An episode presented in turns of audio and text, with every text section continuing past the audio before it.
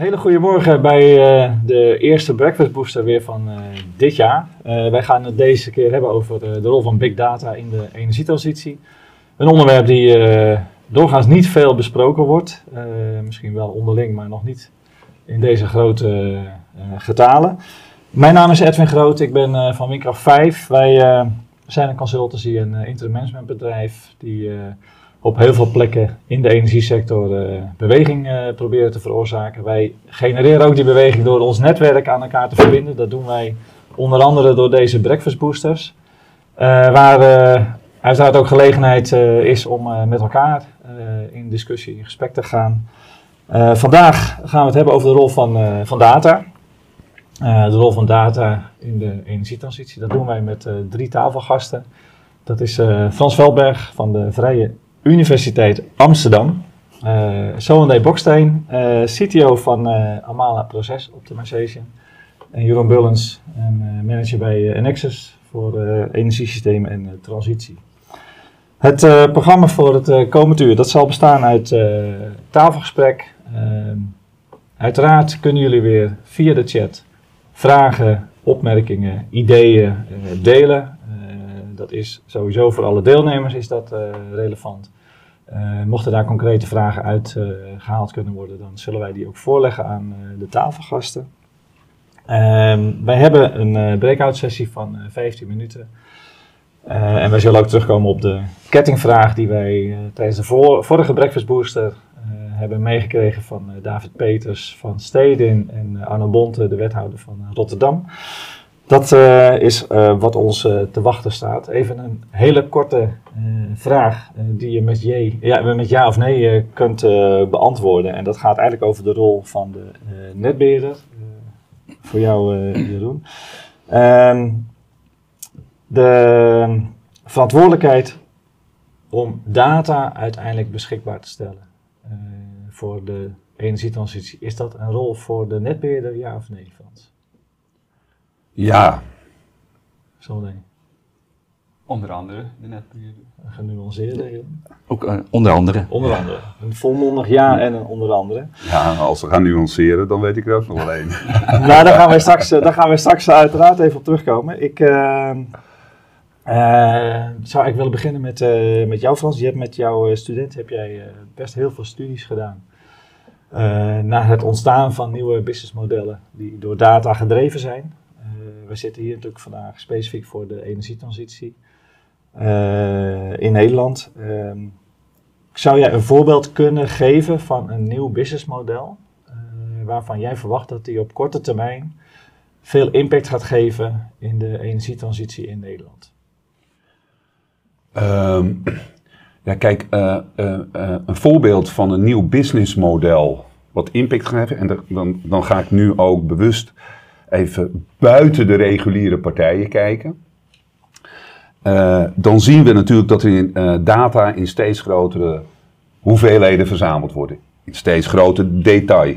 Ja. vroeger had men data bij wijze van spreken over het energiegebruik, noemen we wat, op wijkniveau. Laten we het even zo. Nu hebben we data niet alleen op wijkniveau, maar hebben we het op straatniveau, huishoudenniveau, individueel persoon in het huishouden, individueel apparaat in het huishouden. Dus er komt steeds meer data beschikbaar. En ik denk dat een nieuw voorbeeld, of een, een, een, voorbeeld is van uh, datagedreven innovatie die ook impact gaat hebben op de energiesector, is dat er steeds meer partijen, laten we even een big tech organisatie nemen, maar zijn ook start-ups.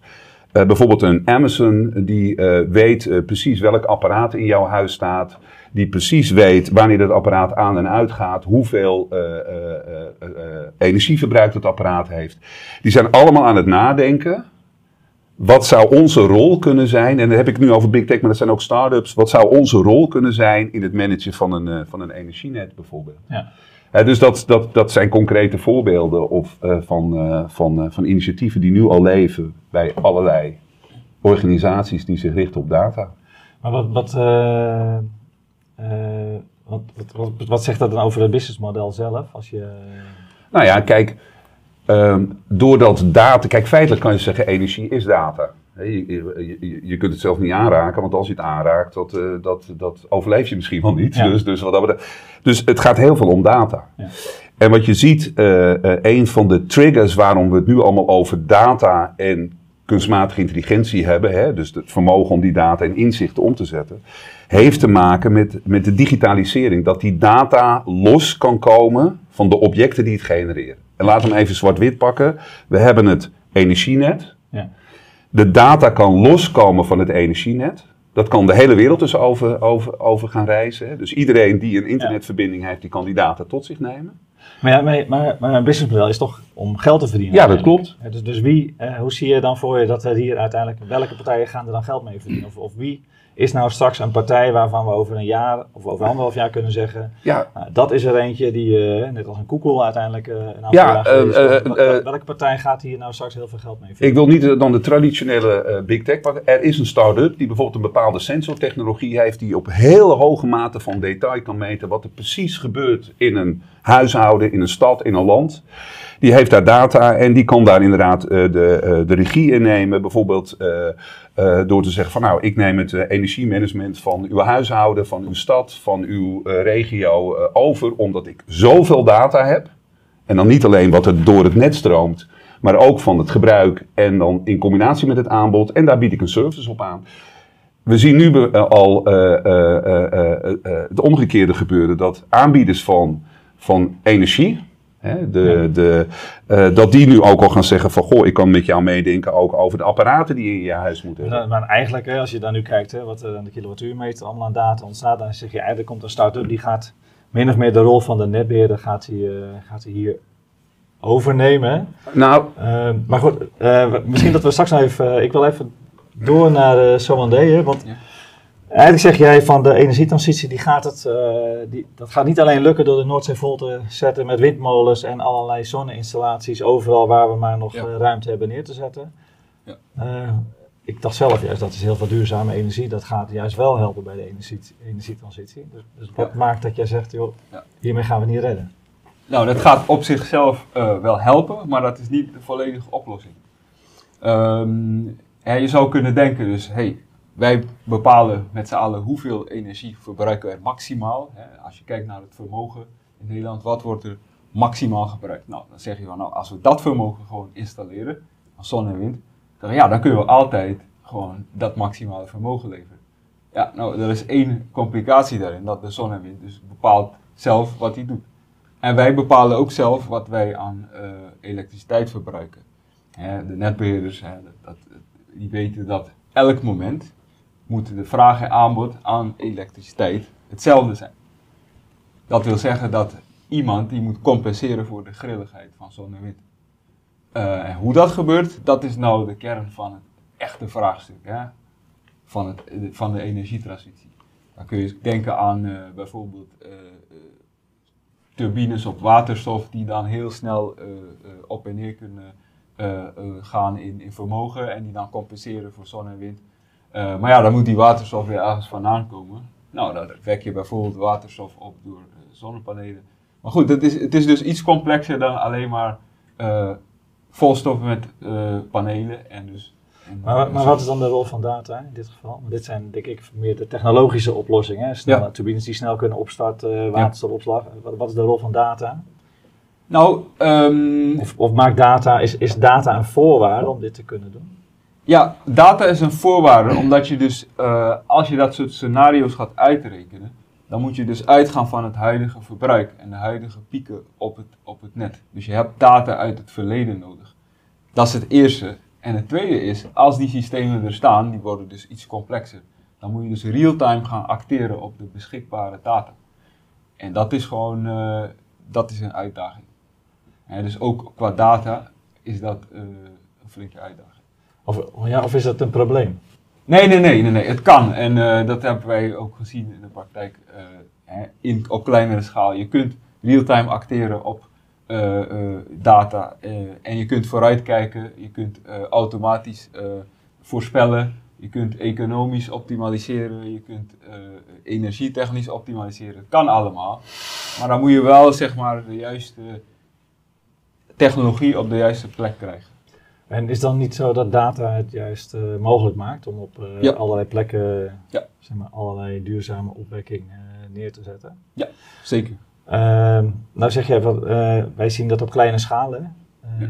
Zou je ons een voorbeeld kunnen noemen waarbij je ziet, veel, hier is echt een succesvol project geweest, hè, waar data ons heeft geholpen om Ja. eigenlijk voorspelbaar zeg maar, iets met de assets te kunnen doen? Nou, ehm, in, in, het, eh, in het verleden heb ik dus gezeten bij een grote eh, elektriciteitsproducent. En ehm, ja, dat was een flexibiliseringsproject. En dat ging eigenlijk eh, om de energietransitie. Compenseren voor de grilligheid van zon en wind. Maar daar dan wel met gasgestookte gestookte centrales. Dus je draait wel op aardgas. Dat kan nu binnen niet al te veel tijd kan dat ook op waterstof. Maar toen was dat nog op aardgas. Ehm, en eh, ja, flexibiliseren, flexibiliseren betekent een groter regelvermogen aanbieden. Ehm, alleen die, eh, die centrales die zijn niet gebouwd om, tussen de, om aldoor tussen de 25 en 100 procent te, eh, te acteren. Die zijn gebouwd om meestal tussen de 80 en 100. En af en toe kun je wel omlaag. Maar echt aldoor variëren tussen 25 en 100 procent. Ja, dat is een technische uitdaging. Nou, Ja. hoe, hoe kun je dit aanpakken met data? Hè, nou, wat je doet is, eh, wat wij toen hebben gedaan, is eh, de data en het, het, het, eh, de, het gedrag van installaties, zoals die nu worden verbruikt, hè, bijvoorbeeld tussen de 70 en 100 procent. nou, dat combineer je met het begrip van hoe die installaties werken. Ja. En dan, en dan gebruik je dus voorspellingsmodellen met machine learning, et cetera. En daardoor is dat project ook gerealiseerd. Ja. Dus, Alleen je hebt dan nog steeds wel te maken met, eh, in dit geval, de technologie eh, die nog niet goed genoeg is om snel te anticiperen op grote belastingschommelingen. En dus, dus er, zit, er blijft denk ik een technologisch vraagstuk eh, om... eh. Nou, eh, eh, wat ik wel wil zeggen is dat de technologie er nu wel is. Dus het, het, het, het sterk variëren van, van, eh, in, in, in, eh, in las- lasten van installaties. Nou, de technologie is er nu wel om daar met behulp van data slim op te acteren. Oké, oké. Ik wil even, eh, dankjewel eh, zover. eh, ik wil even door naar Jeroen Eijk en Nexus. ik wil niet zeggen dat je hier namens alle netbeheerders aan tafel zit. Hè. Maar Nexus heeft denk ik een hele duidelijke keuze gemaakt hè, als het gaat om data. Een hele duidelijke kolom ook binnen het bedrijf, waar data tot op directieniveau vertegenwoordigd is. Eh, ja, jullie zijn dus vrij actief al jarenlang op het gebied van data in relatie tot het managen van het energienet. Ehm, betekent dat dan ook eh, dat, dat je hiermee een soort voorschot neemt op eh, jullie rol in de toekomst, hè, als het gaat om het eh, beheren en het ontsluiten van, van data? Of zit daar ergens nog een grens? Nee, ik denk wel dat vooral de afgelopen jaren data veel belangrijke rol is gaan spelen bij, bij een netbeheerder. Onze primaire taak is gewoon een net beheren en zorgen voor een veilig en betrouwbaar energiesysteem. Ja. Ehm, nou, daar heb je enerzijds data nodig om je huidige knelpunten of eh, beperkingen in beeld te brengen, maar ook voor de toekomst. Hè. We hebben de energietransitie. Ehm, de vraag naar capaciteit op ons net is veel groter dan wat we eigenlijk nu aankunnen. Dus we moeten heel veel gaan investeren in de komende jaren. En eh, we hebben heel veel data nodig om die knelpunten met middels scenario-analyses in beeld te brengen. Zodat we kunnen installeren, op, eh, op anticiperen. Eh, een ander aspect wat heel belangrijk is, is dat we ook bijvoorbeeld flex-oplossingen eh, zullen vaker gaan voorkomen. En daar heb je ook data voor nodig. Ja. Dat is niet op het hoogspanningsniveau, maar meer op het middenspanningsniveau. Ehm, dus daar moet je ook veel meer data met elkaar afstemmen en ook eh, delen met, met andere partijen. Dus die rol wordt steeds belangrijker. Maar omdat, jullie hebben daar ook flink in geïnvesteerd, hè? ook in Ja. datadeskundigen binnen, Ja. binnen Nexus. Betekent dat je daarmee een soort keuze hebt gemaakt om toch wel zoveel mogelijk zelf te blijven doen? Of ben je ook afhankelijk van marktpartijen op dit gebied? Ja, ik denk grotendeels zijn we wel afhankelijk van onze eigen data en die ontsluiten we ook zelf met onze distributie, automatisering en allerlei andere eh, tooling. Eh, we kopen ook wel wat data in, bijvoorbeeld weerdata, om te voorspellen wat het weer morgen gaat doen, zodat we kunnen zien wat is dan de belasting morgen. Eh, maar grotendeels doen we het allemaal wel zelf. En wat betekent dat voor de komende, zeg maar even, eh, zeg maar, eh, vijf jaar? Hè? Als, je, als je dan, eh, maar, eigenlijk een soort, nou ja, een, soort, soort keuze hebt gemaakt om heel veel zelf te blijven doen. Eh, wordt daarmee jouw afhankelijkheid van marktpartijen minder? Of eh, zie je de afhankelijkheid juist toenemen als het gaat om eh, allerlei nieuwe, nou ja, misschien wel nieuwe businessmodellen die gaan Ja. ontstaan met andere marktpartijen? Ik denk wel als er meer flex komt, dan meer flexpartijen, hè, zoals eh, aggregators of partijen die batterijopslag aanbieden, dan wordt die samenwerking veel groter. Eh, maar ik denk wel dat de data die wij ontsluiten is essentieel om ons werk te kunnen doen. En dat blijft gewoon zo. En dat, eh, dat eh, zal ook in de toekomst over vijf jaar zo zijn. En is daarin een samenwerking eh, denkbaar met, eh, met, met een universiteit of eh, met, met Ja. een partij die al eh, Vast wel. concrete projecten... Nou Ja, ik heb ook even een, vraag. Hè, vanuit het doel van het veilig en betrouwbaar energienet. Hè, dat is een belangrijke eh, opgave. Maar als we kijken het energienet, ehm, ehm, eh, hebben we het eigenlijk ook fysiek een net, hè, wat, wat in de grond of door de, door de lucht gaat. Maar dat is onderdeel van een heel groter net. Hè? Als ik nu kijk naar de casuïstiek van eh, eh, wat er nu maar gaat met het matchen van energie, is dat Europees. Ja. Hè, hoe zien jullie dat dan als onderdeel van, van, van nou ja, de toekomst als het om data gaat? Want het managen wat jullie doen op jullie eigen net is in hoge mate ook weer afhankelijk van wat er gebeurt, denk ik, ook op de andere netten. Ja, dan vooral op het hoogspanningsnet. Ja, Eh, daar zit onze belangrijkste verbinding mee. Eh, en met andere partijen zoals zonneparken, windmolenparken. eh, die allemaal als soort van energiebron energie leveren op ons net. Dus de stromingen worden veel complexer. En daar ja. heb je gewoon data voor nodig om dat goed te kunnen managen. ja, maar goed, die, die complexiteit van die stromingen, dat is niet alleen maar ge- ge- geïsoleerd op jullie net. Dat is onderdeel van wat er bij wijze van, ik laat het maar even heel Europa gebeurt. Hè? Want ja, daar ben je aan het matchen. Want volgens mij is de grootste uitdaging het matchen van vraag en aanbod. Ja. En wat jij ook aangeeft, van ja, eh, die gebruiker, hè, die eh, eh, is een soort gegeven. Ja. Maar het interessante is dus ook wel in de modellen om die gebruiker, moet je die als gegeven meenemen? Want als je steeds meer data hebt, Ja. steeds Ja. beter kunt gaan voorspellen wat er gebeurt, kan je misschien die gebruiker ook wel gaan sturen in het gebruik van data op momenten dat er. Ja. Dat is volgens mij allemaal data. Ja, ja, dat is wat ik zei met die flexpartijen, dus waarbij dus flex wordt aangeboden. En dan kun je, kun je dus de piek op je net kun je daarmee temperen. of anders verdelen, waardoor je dus je, je, je niet je maximale belas- belasting gaat halen. Ja. En dus ook niet hoeft te investeren op die maximale piekbelasting. Ja, ja, dat is dus een En dat is eigenlijk voor ons het grote, Ja. grote voordeel.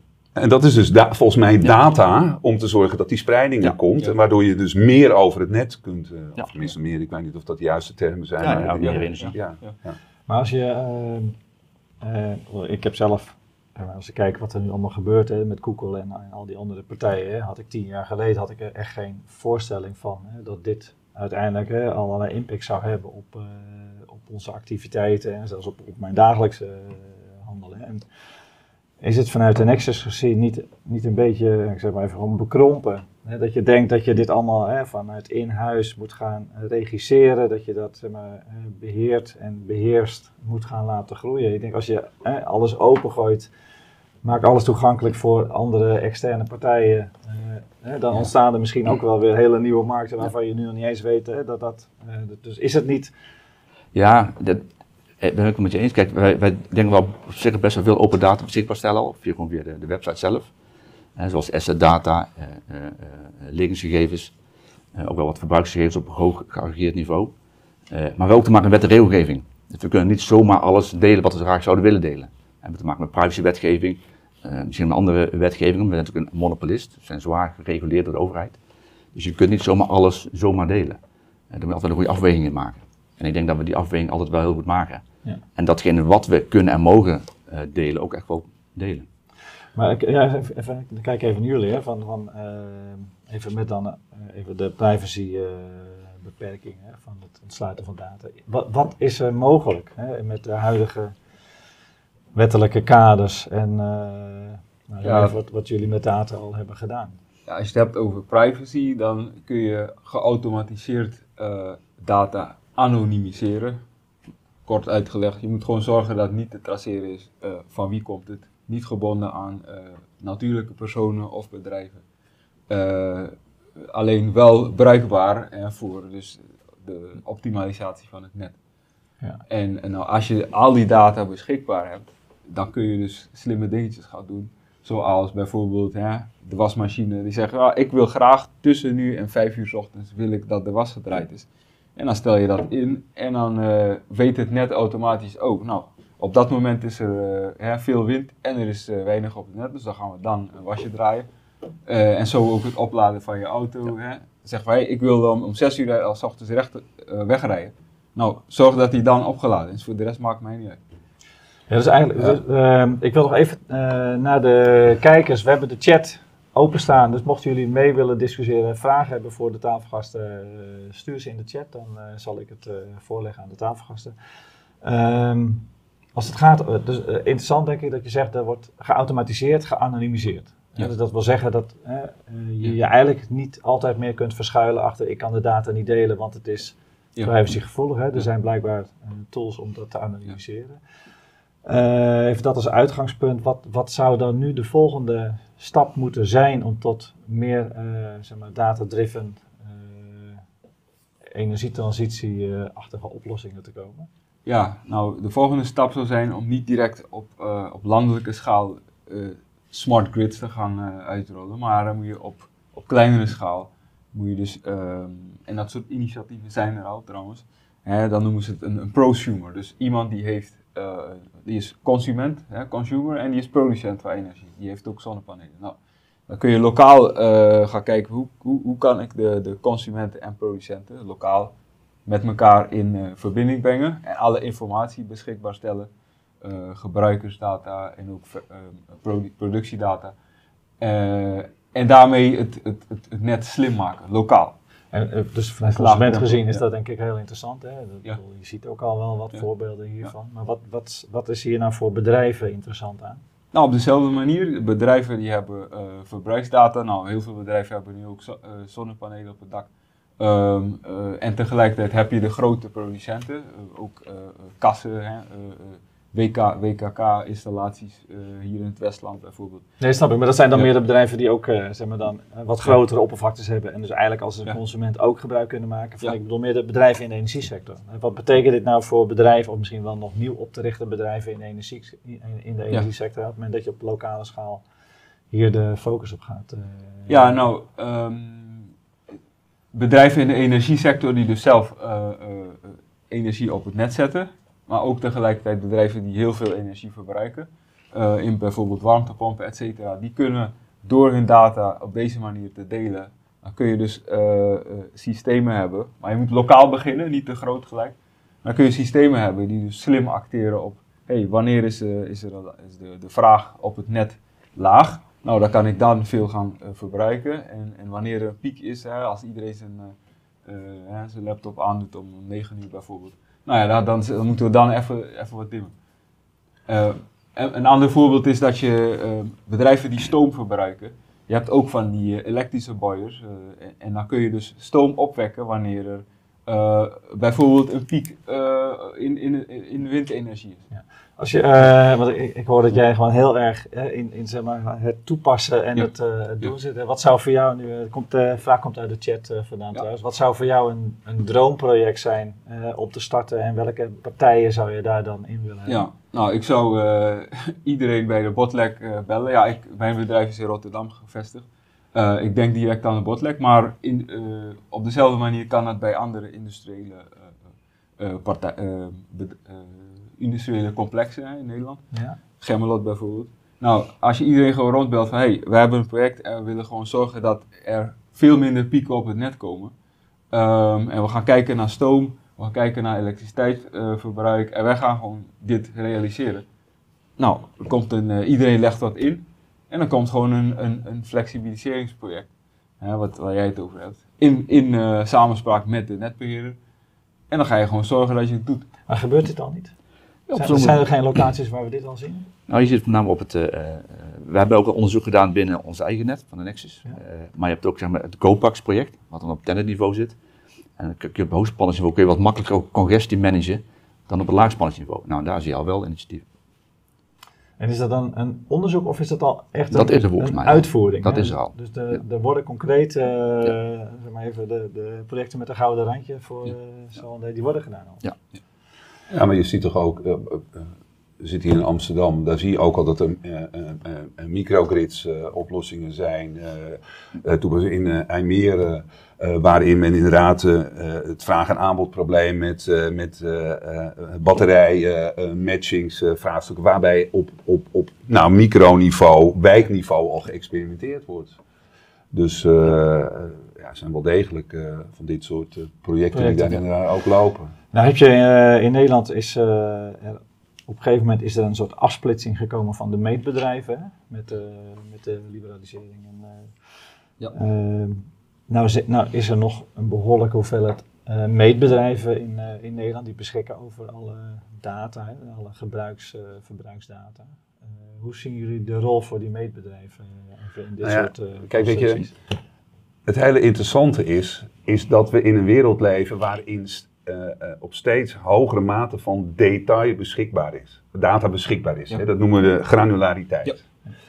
En die granulariteit die wordt nu ook bepaald. Hè? Jij noemde net bijvoorbeeld eh, zo'n warmtekrachtenkoppeling. Eh, stel zo'n organisatie die, die bouwt sensortechnologie in die warmtekracht. Of warmtepompen. Of de, de ketel. Of neem een Google. Die een Google Nest heeft. Die dus precies weet wanneer bij jou de ketel aangaat. Wanneer de stroom gebruikt wordt. Daar zijn allerlei nieuwe initiatieven van eh, Google, maar ik wil niet constant op die big tech, want het zijn ook start-ups. Hè. Eh, wij schakelen nu ook met bedrijven in, eh, die zitten in de huishoudelijke apparaten. In bijna al die huishoudelijke apparaten, dat weten we ook, zit tegenwoordig een app op. Hè. Je kunt tegen je koffiemachine aanzetten. Moet je je voorstellen dat je alle koffiemachines in Nederland precies weet wanneer die aangaan. Hè, wanneer mensen, en dan denk je koffiemachine, één koffiemachine. Nee, maar als er 200.000 tegelijk aangaan, dan betekent dat wat. Maar de, de, de, ik denk een hele interessante discussie, hè, maar we moeten echt verder. De, er komen ook vragen in de chat. Helaas kunnen we daar eh, misschien straks na de breakout nog op ingaan. Ik, eh, dat zou zomaar kunnen betekenen dat de traditionele meetbedrijven die we nu hebben, eh, straks of een veel bredere scope gaan krijgen, hè, met veel meer data uit de huizen vandaan, of misschien juist wel allerlei concurrenten erbij gaan Nou, dat is, krijgen. dat hè, is die- dus inderdaad de boodschap. die op De een andere manier meet gerelateerde data ontsluiten. En als wij straks, weten we, met een wijk eh, onderling gaan uitwisselen, hè, dan hebben we helemaal geen meetbedrijf meer nodig, hè, want dan regelen we dat zelf. Hè. Dat, ik denk, Ja. nou, dat is nog wel een hele... De vraag is dus, hoe blijft die relevant? Precies, ja. Ik zou eh, willen doorgaan met eh, de kettingvraag van eh, David Peters en Arno Bonte van de vorige keer. Eh, de vorige keer dat ging over de, de congestieproblemen in de energienetten. Nou, is eh, voor de Nexus eh, denk ik net zo herkenbaar als, eh, als voor Stedin.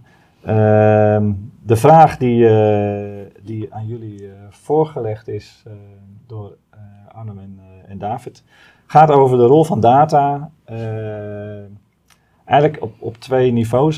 Hoe, hoe kan data ervoor zorgen dat de voorspelbaarheid van het toepassen van duurzame opwek of, of verbruik beter gepland kan worden? En dus dat je eh, op voorhand beter kunt inschatten waar je nou eh, op welke plekken wat zou moeten gaan eh, neerzetten. Of dat nou laadpalen zijn of eh, zonneinstallaties. Hoe zien jullie daar de rol van data in? Is er een rol voor data? Of is dit gewoon puur eh, het eh, doorrekenen van de nette, netbelasting en eh, eh, Ja. joh, dat is de plek waar een installatie komt. Nee, ik denk dat er zeker wel een grote rol is voor data. Ik denk dat eh, waar we steeds beter in zijn, is zeg maar, de impact van de energietransitie die er op ons afkomt. Om die te plotten op onze netten, waar de problemen zitten. Maar ook dan vervolgens het gesprek aangaan met de gemeentes.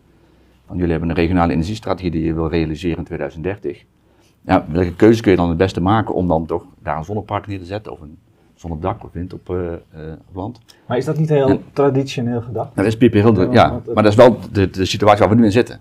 En omdat de, de regionale energiestrategieën die zijn vorig jaar opgeleverd. Nou ja, daar moeten we nu mee aan de slag voor de komende jaren. Sommige investeringen die kosten gewoon vijf tot tien jaar om ze gerealiseerd te krijgen. Wat ook inderdaad heel lang is. Maar, wel, maar welke rol heeft data dan Het daarin? is alleen maar data. Dat is alleen maar data. Ja. Dus, dus data, eh, eh, energie is data. Dus, dus, dus het oplossen van deze problemen kan alleen maar met data. Dus dat is, dat is, dat is ik durf zelfs te beweren voor de input van de discussie. Eh, naast het net wat er ligt, is data gewoon net zo'n belangrijke asset. Misschien nog wel een belangrijke asset dan het net zelf. Ja. Nou ja, sterker wij noemen het ook al gewoon al de derde asset naast elektriciteit en gas. Nou ja, dat is een mooi voorbeeld, ja. Ja. En als je denkt aan technologieën, hè, eh, wat, zou je kunnen, eh, wat voor technologieën zou je kunnen gebruiken om eh, ja, slim eh, te plannen? Waar investeer ik? En dan, dan kun je dus scenario-analyse, hè, dat doen jullie al. Ehm, als je dat combineert met de huidige verbruiksdata die je hebt eh, en nou ja, automatische algoritmes. Maar is dat die, dan, eh, is dat, nou misschien die, die algoritmes is dan Ja. misschien nog vernieuwend, want ik vind Ja. dat andere nog redelijk traditioneel. Nee, nou, wat, ik, denk bedoel dat is, als je, weet waarschijnlijk wat ik volgende, volgende eh, Sinterklaas allemaal bestellen, en wanneer ik dat ga bestellen en hoe ver en hoeveel leeftijd ze dan moeten incalculeren. Eh, omdat zij allerlei Ja. patronen hebben. Dus zijn er nog voorbeelden van dat soort bronnen Ja. eh, die Ja, je maar dat, straks... dat, dat wat, wat is. eh, eh, je had het inderdaad over privacy zojuist. Ja. hè? Ja. Nou, is, is een heel belangrijk goed. Laten we dat eventjes voorop stellen. Maar we leven dat betreft wel in een schizofrene wereld. Mensen willen hun slimme metadata niet delen, maar ze sluiten zich eh, wel aan op eh, Alexa, waarin ze alle apparaten en het management gewoon de data met, eh, met Amazon delen. En dat is dus inderdaad, die partijen die weten dus veel beter wat er Ja. morgen op het eh, net gaat gebeuren dan eh, de netbeheerder. Dus de data waarvan jij aangaf, wij kopen weer data in. Ja. Is dus de vraag, moeten wij straks ook bij Amazon data in gaan kopen? Naast die weerdata, want misschien is die Amazon data, even als metafoor, Amazon, maar start-up, nog vele malen belangrijker in het kader van het beheren van het net dan, eh, dan onze eigen data. Ja. De- er komt een vraag uit de chat. Eh, laten mensen zich wel sturen door die data? Ja, maar dat is een, dat is een hele interessante.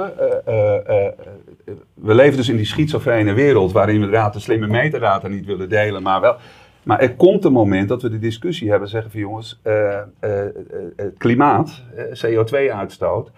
eh, we moeten zelf die data gaan delen om onze de, de klimaatdoelstellingen van Parijs te gaan halen. We hebben geen eens een keuze meer. Maar heb jij uit jouw ervaring met misschien andere type projecten, heb jij daar eh, gezien welke triggers Ja. belangrijk zijn voor mensen om uiteindelijk te zeggen, joh, eh, ik wil mee met deze energietransitie? We hebben eh, een student gehad, die heeft afstudeeronderzoek gedaan bij een van de grotere leveranciers op het gebied van huishoudelijke apparatuur. Die heeft daar aan klanten gevraagd van, goh, bent u bereid om de informatie over uw wasmachine, over uw oven te delen? En die heeft daar verschillende dingen tegenover gezet. Ze van, goh, stel dat u die data deelt, wilt u dat gewoon om niet doen? Was een percentage, zei ik wil dat om niet doen. Percenta eh, vroeg ook van, goh, als u daar geld voor krijgt, hè, besparing op uw energierekening.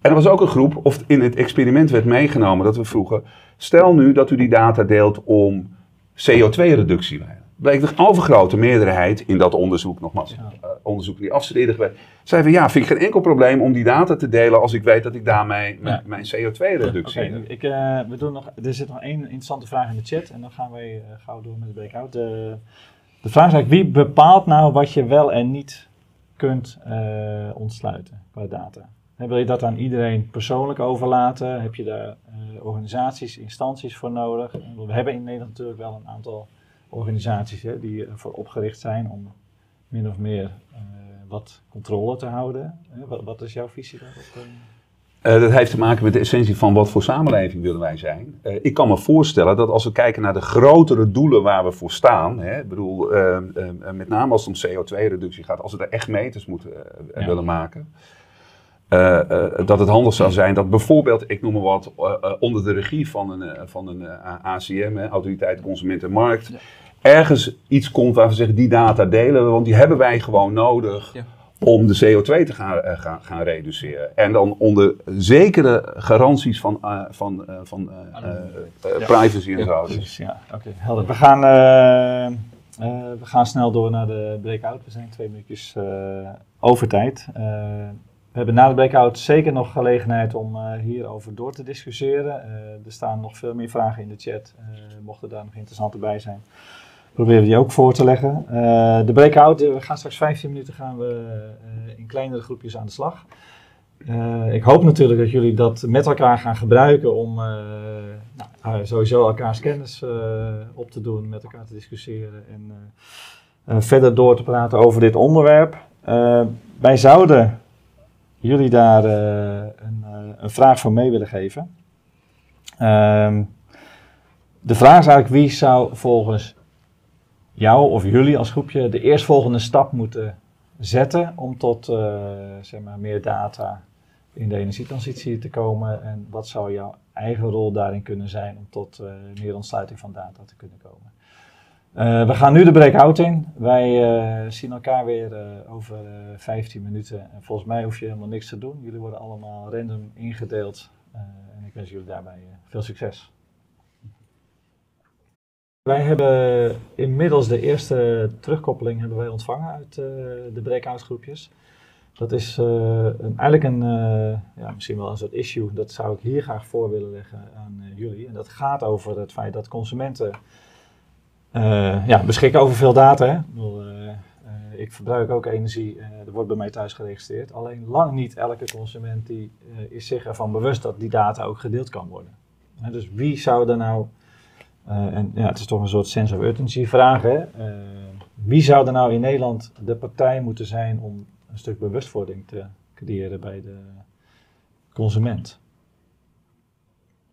Is dat de rol van de netbeheerder? Ja, dat vind ik een lastige vraag. Ik denk in eerste instantie vooral dat het misschien een rol is van de overheid. Eh, omdat die een veel een grotere rol heeft daarin. En ook een bepaalde energiedoelstelling te halen heeft. Hè. Wel met z'n allen, maar uiteraard de, rol, de overheid is er in de, in de lead.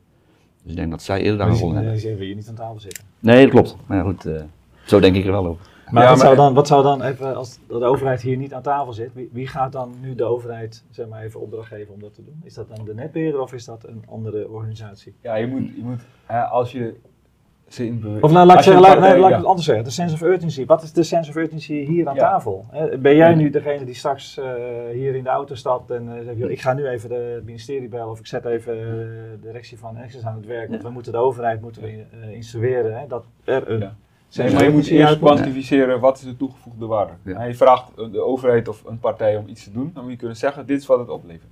Ik denk dat we daar Ja. een huiswerk hebben. Ja, maar dat, dat, dat is natuurlijk die sense of urgency. Door de helaas eh, trieste actualiteit ontstaat er nu een soort sense of urgency. Hè? We zien al dat we heel anders eh, gaan denken. Ja. Je ziet bepaalde landen die al zeggen, we moeten er sneller over op eh, renewable energy. Nou, de vraag is even, als we Ja. kijken, ik wil, ik, ik wil niet hier het hele Oekraïense aan de orde maar aanbrengen, maar eh, Oekraïne is eigenlijk supersnel, versneld aangesloten met meer capaciteit op het Europese net. Dat is echt, er zijn mensen van Tenet met bloed, zweet en tranen aan de slag geweest om dit voor elkaar te krijgen. Is, is, ik weet niet hoeveel dagen, maar het is gelukt. Hè? Ja. Ehm, is er een dergelijke situatie nodig om een sense of urgency te creëren? Hè? Want we roepen natuurlijk ook al jarenlang, we hebben eh, opwarming, et cetera. Dus we moeten die energietransitie doen. Is, maar die is is er een dergelijke Ja. urgency Die is er nodig? nu. Is Die die is er nu. En En wie dus draagt nu doorpakken. Ja, Wie, dus- wie draagt hem uit? Dus nu, nu doorpakken. Niet zeggen dat we nu een postbus 51 spotje krijgen van goh, je moet energie gaan besparen, wat we hebben een probleem. Maar doorpakken. Waarbij je voor kan stellen, wat, dat er een soort autoriteiten eh, energiemanagement komt of zo. Die Ja. zegt van oké. Ja. En dan vanuit het besef dat data een vergelijkbare waarde krijgt als geld. Hè? Dus dat data een ruilmiddel is geworden. We hebben heel veel services die, waarvan we denken dat die nu gratis zijn. Maar daar ru- ruilen we onze data voor in. We denken navigatieservice, denken is gratis. Maar we leveren onze data in om die terug te krijgen. En daarvan kan je zeggen van, goh, die data is dus geld waard. Het is zo dat we door moeten gaan pakken. En uiteraard vanuit ethisch en, en, en, en juridisch en privacy perspectief kunnen we dat meenemen. En dan zeg je, jij levert die data in, omdat we nu zo'n grote sense of urgency hebben. Want de vraag is, heb jij morgen stroom of heb jij geen stroom? En als je je data inlevert, dan heb jij morgen stroom. En als je je data niet inlevert, ja, dan kunnen wij niet inschatten wat er gebeurt. En eh, betekent misschien wel dat je... zo- En even om op, op scherp te stellen. Hè? is, dat, is dat realistisch beeld? Hè? Dat mensen morgen geen stroom hebben? Of, of een ander verschil? Hè? Eh, zijn mensen bereid, hè, als er sprake is van menselijk leed, hè, wat nu in Oekraïne natuurlijk aan de, aan de orde is, hè, om dan wel data te gaan delen? Maar Edwin, jij zegt, is dat een realistisch beeld? Als ik de afgelopen tijd naar het nieuws heb gekeken, eh, is het geloof ik zo dat we blij moeten zijn om de- dat, dat het geen strenge winter is, anders hadden we geen gas gehad. Ik zie als realistisch beeld allerlei bedrijven die al nu de opdracht krijgen dat ze afgeschakeld worden. Dus Nee, Als maar je moet, je moet zeg maar die sense of urgency, die moet je combineren met eh, een garantie door een eh, gecertificeerde organisatie dat de data anoniem is. Hè, daar heb je dus eh, urgency van luister, het moet, je, moet, je moet echt gaan delen, of een heel groot gedeelte van de mensen die, hè, die moeten hun data gaan delen, zodat wij snel kunnen acteren hè, op basis van de data. Maar wij garanderen eh, dat die data anoniem is en dat het niet is terug te herleiden naar jou als persoon. Nou, als je die combinatie hebt, dan kun je wel stappen maken, denk ik. Maar zeg je dan, ja? Ja, de vraag is ook in hoeverre moet je daarin sturen. Hè? Bijvoorbeeld, je zag de afgelopen half jaar dat de gasprijs flink aan het stijgen is. En opeens zie je een trend van iedereen wil een keer een warmtepomp hebben. Dus dan wordt al de energietransitie al een soort van versneld. Omdat er euro's voor de mensen aan vasthangen. Maar zeg je dan dat, dat daarmee mensen nu wel bereid zijn hè, om, om die stap te maken? Als je nu de Eh, keuze hebt. En niet op basis van klimaatdoelstellingen? als je nu de keuze hebt, hè, met- de keuze en zelfs nog het, het, het anonimiseren, kan je hier nog de vraag bij stellen. Hè. Nogmaals, privacy eh, niet aan tornen, heel Nee, belangrijk. nee. Maar als je de keuze hebt door te zeggen, goh, uw energierekening is 100 euro per maand, bij wijze van spreken, in deze tijden heel erg laag, maar is 100 euro per maand. Als u uw data deelt, wordt die 80 euro per maand. Dan laat je de keuze aan de consument. Dan krijg je data, dan kan je er iets mee gaan doen. En dat is ook het belang van data. Data wordt steeds meer ook een ruilmiddel. We hebben nu geld, maar het wordt een ruilmiddel waarvan je zegt van joh, als jij die data deelt, krijg jij 20 euro korting, 20% korting. Maar wie gaat dat rekening. betalen? Dus wie gaat mij dan die 20 euro... eh, Doordat we een efficiëntieslag kunnen maken, doordat we kunnen matchen vraag en aanbod en, we, en versneld die. eh, eh, eh, Ja, maar welke, welke partij is dat dan? Is dat een netbeheerder die mij dan 20 euro gaat betalen? Of is dat de, de energiehandelaar? Wat is, waar komt dat geld vandaan? Nou, het ministerie van Energie, zou ik zeggen. Het ministerie. En die zit hier niet aan tafel. Nee, Nee, nee, nee, maar nee, goed. nee, nee, maar volgens mij is die heel simpel. Kan je hem terugbrengen naar de transactie. Kijk, een organisatie als Google maakt de berekening van... Goh, jij hoeft niets te betalen voor die navigatiediensten... omdat ik jouw data krijg. Ja. En volgens mij, dat is wat, je, wat jij ook aangaf... als jij je modellen hebt en zegt van... Goh, als wij onze voorspellende nauwkeurigheid... met 3% kunnen vergroten... dan kunnen wij zoveel netto aan ons resultaat. Er zijn allemaal modellen en ook wetenschappelijke publicaties over... dat als netbeheerders, energieleveranciers hun voorspellende eh, nauwkeurigheid groter kunnen maken, kunnen ze dat meteen vertalen naar rendementseisen en die zou je voor een gedeelte weer terug kunnen geven aan de gebruiker. En, en, ehm, maar, maar ehm, dus ik, ja, ik, ik zit wel even met twee vragen. Aan de ene kant van, hè, is het, zou het voor de Nexus eh, een oplossing zijn om met prijsprikkels zeg maar, mensen te stimuleren om data te gaan delen? Nou, ik denk het wel. Er lopen al initiatieven om met het bandbreedtemodel te werken. Ja, dus op het moment dat bijvoorbeeld de, de, de belasting op net heel hoog is, is het tarief ook wat hoger en andersom is het wel lager. Dan probeer je al een beetje te sturen. Ehm, maar dan ben je ook alweer afhankelijk van dat de juiste wet en regeling, dat dat, dat, dat wel past. Dit noemen ze dynamic pricing. Hè? Ja, Waarom dat- vindt iedereen het acceptabel dat als je in een vliegtuig stapt op een bepaald moment, dat je naast iemand kan zitten die 50 euro meer betaalt heeft voor de Ja. ticket? Ja. Op basis van capaciteitsproblemen. Waarom kan het daar wel en op het energienet niet? dat Ehm, klopt. Helemaal mee eens.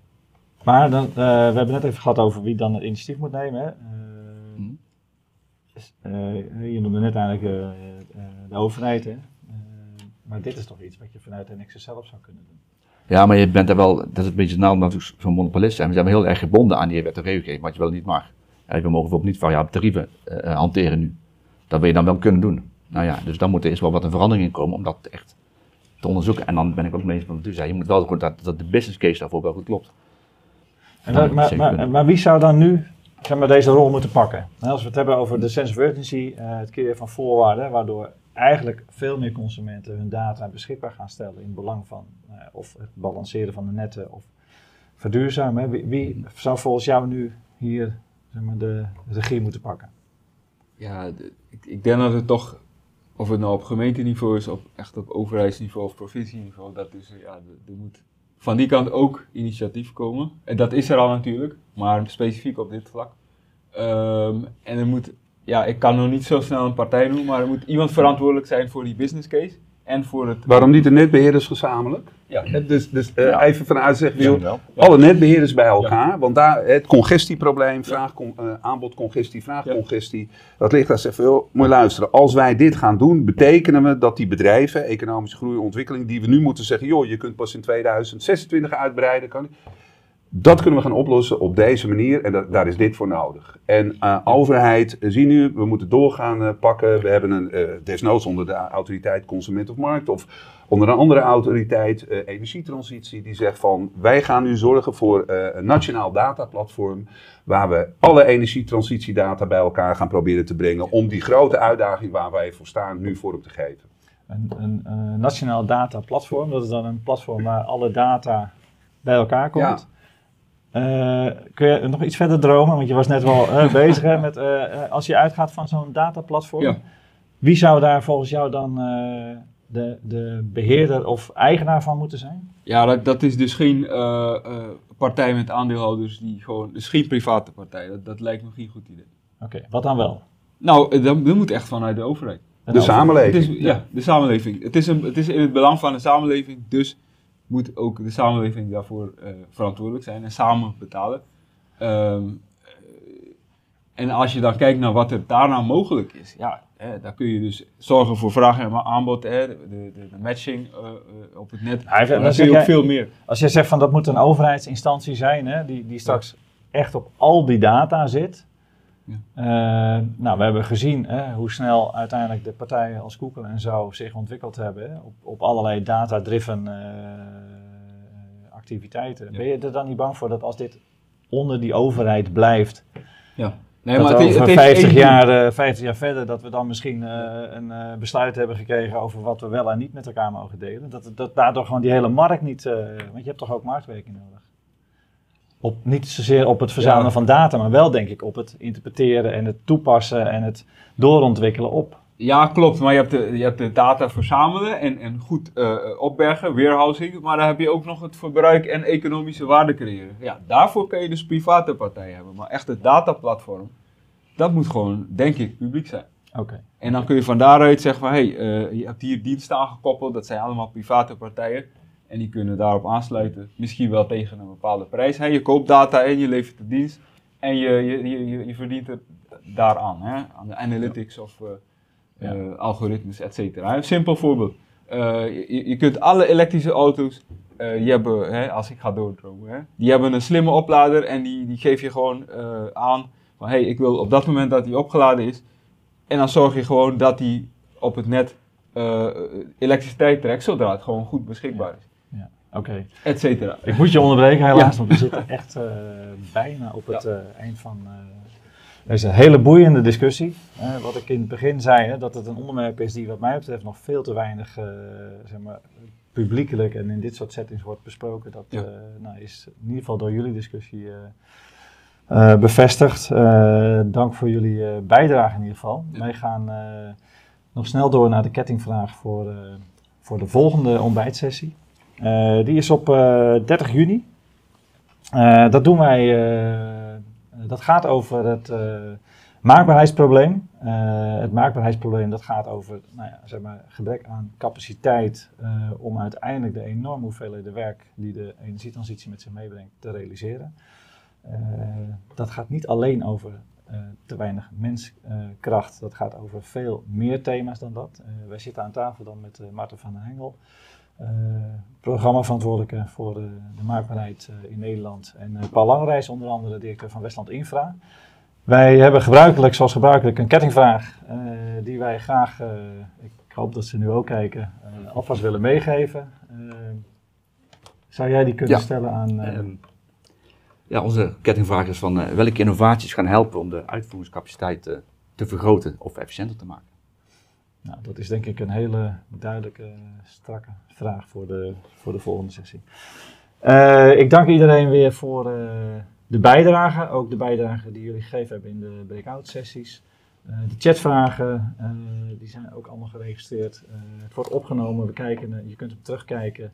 We zullen dat nog naar jullie toe mailen. En, ik wens jullie nog een fantastische dag en hopelijk tot de volgende sessie op eh, 30 juni weer op dezelfde tijd.